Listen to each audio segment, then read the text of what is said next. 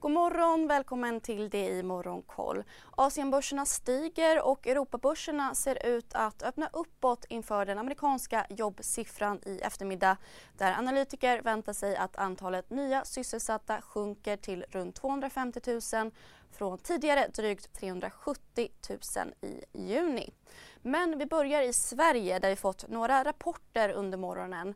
För detta Lundin Energys hållbara verksamhet Oren Energy rapporterar en ökad omsättning på 10,8 miljoner dollar medan rörelseförlusten ökade till 5,5 miljoner dollar från 4,3 i fjol. Bilservicebolaget Kerry Group rapporterar bättre omsättning och ebitda-resultat än väntat. Omsättningen landade på drygt en miljard kronor. Ljudboksbolaget Storytel har rapporterat stigande intäkter och vände till ebitda-vinst. Intäkterna från streaming steg med 29 i årstakt. Clas Olssons försäljning föll klart mer i juli än väntat. Försäljningen minskade 4 medan den organiska försäljningen minskade 7 Bygghissbolaget Alimax VD har köpt 15 000 aktier i bolaget för 94 kronor och 60 öre styck vilket motsvarar ungefär 1,4 miljoner kronor. Tjänstepriserna i Sverige steg 2,3% i kvartalstakt och 7,9% i årstakt vilket är den högsta årstakten någonsin. I Asien stiger börserna trots Kinas militärövningar. Tokyobörsen, Shanghaibörsen och Hongkongbörsen stiger runt en halv procent medan Shenzhenbörsen är upp runt 1 procent. Även Taiwanbörsen stärks drygt 2 procent och Kina ska nu ha avfyrat robotar över Taiwan för första gången enligt rapportering av CNN. Vidare har en del flygbolag ställt in flygningar till Taiwan eller ändrat rutten på grund av militärövningarna nära ön. I Japan steg hushållens konsumtion mer än väntat med 1,5% i juni och Indiens centralbank har höjt reporäntan med 50 punkter till 5,4 med en värld i gungning blir det viktigare än någonsin med kunskap och diskussion. Att värna det fria ordet, för livet och demokratin. Så när du trodde att du visste allt, har vi alltid lite till. Privata affärer plus allt. All journalistik du behöver, samlad. Prova en månad gratis. procent. Det är mot en väntad höjning på 35 punkter.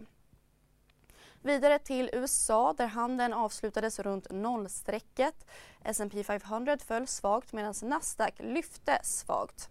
Clevelands Fed-chef har upprepat att hon behöver se minskningar i inflationen under flera månader innan penningpolitiken kan lättas. Hon anser vidare att Fed ska höja räntan till över 4% för att få ner inflationen. Och USAs budgetpaket är nu ett steg närmare att godkännas. Det efter att Arizonas demokratiska senator Kirsten Sinema har sagt att hon är redo att godkänna paketet på 430 miljarder dollar med satsningar på grön energi, skatteändringar och sänkta medicinpriser. Sinema har setts som en nyckelperson för att Demokraterna ska kunna få igenom paketet. Bland bolagen rapporterade molnkommunikationsbolaget och Sinch-konkurrenten Twilio en mindre förlust än väntat och steg runt 2% i efterhanden. Kryptoplattformen Coinbase rusade 10% på nyheten om ett samarbete med fondjätten Blackrock som ska ge Blackrocks kunder möjligheten att handla med bitcoin. Skoföretaget Crocs backade ungefär lika mycket trots att ha rapporterat bättre intäkter än väntat. Men bolaget sänkte även intäktsprognosen för helåret.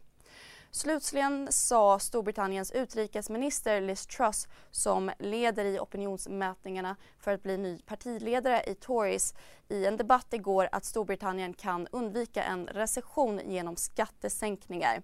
Hennes utmanare och landets finansminister Rishi Sunak sa att Truss åtgärder snarare kommer att förvärra situationen eftersom det är inflationen och inte skattebördan som utgör en risk för recession. På dagens agenda har vi bland annat trafiksiffror från SAS som kommer klockan 11 i förmiddag. Finnair ökade antalet passagerare med 10% i juli i månadstakt och 367% i årstakt. Och så amerikansk sysselsättning såklart klockan halv tre i eftermiddag. Ha en trevlig dag.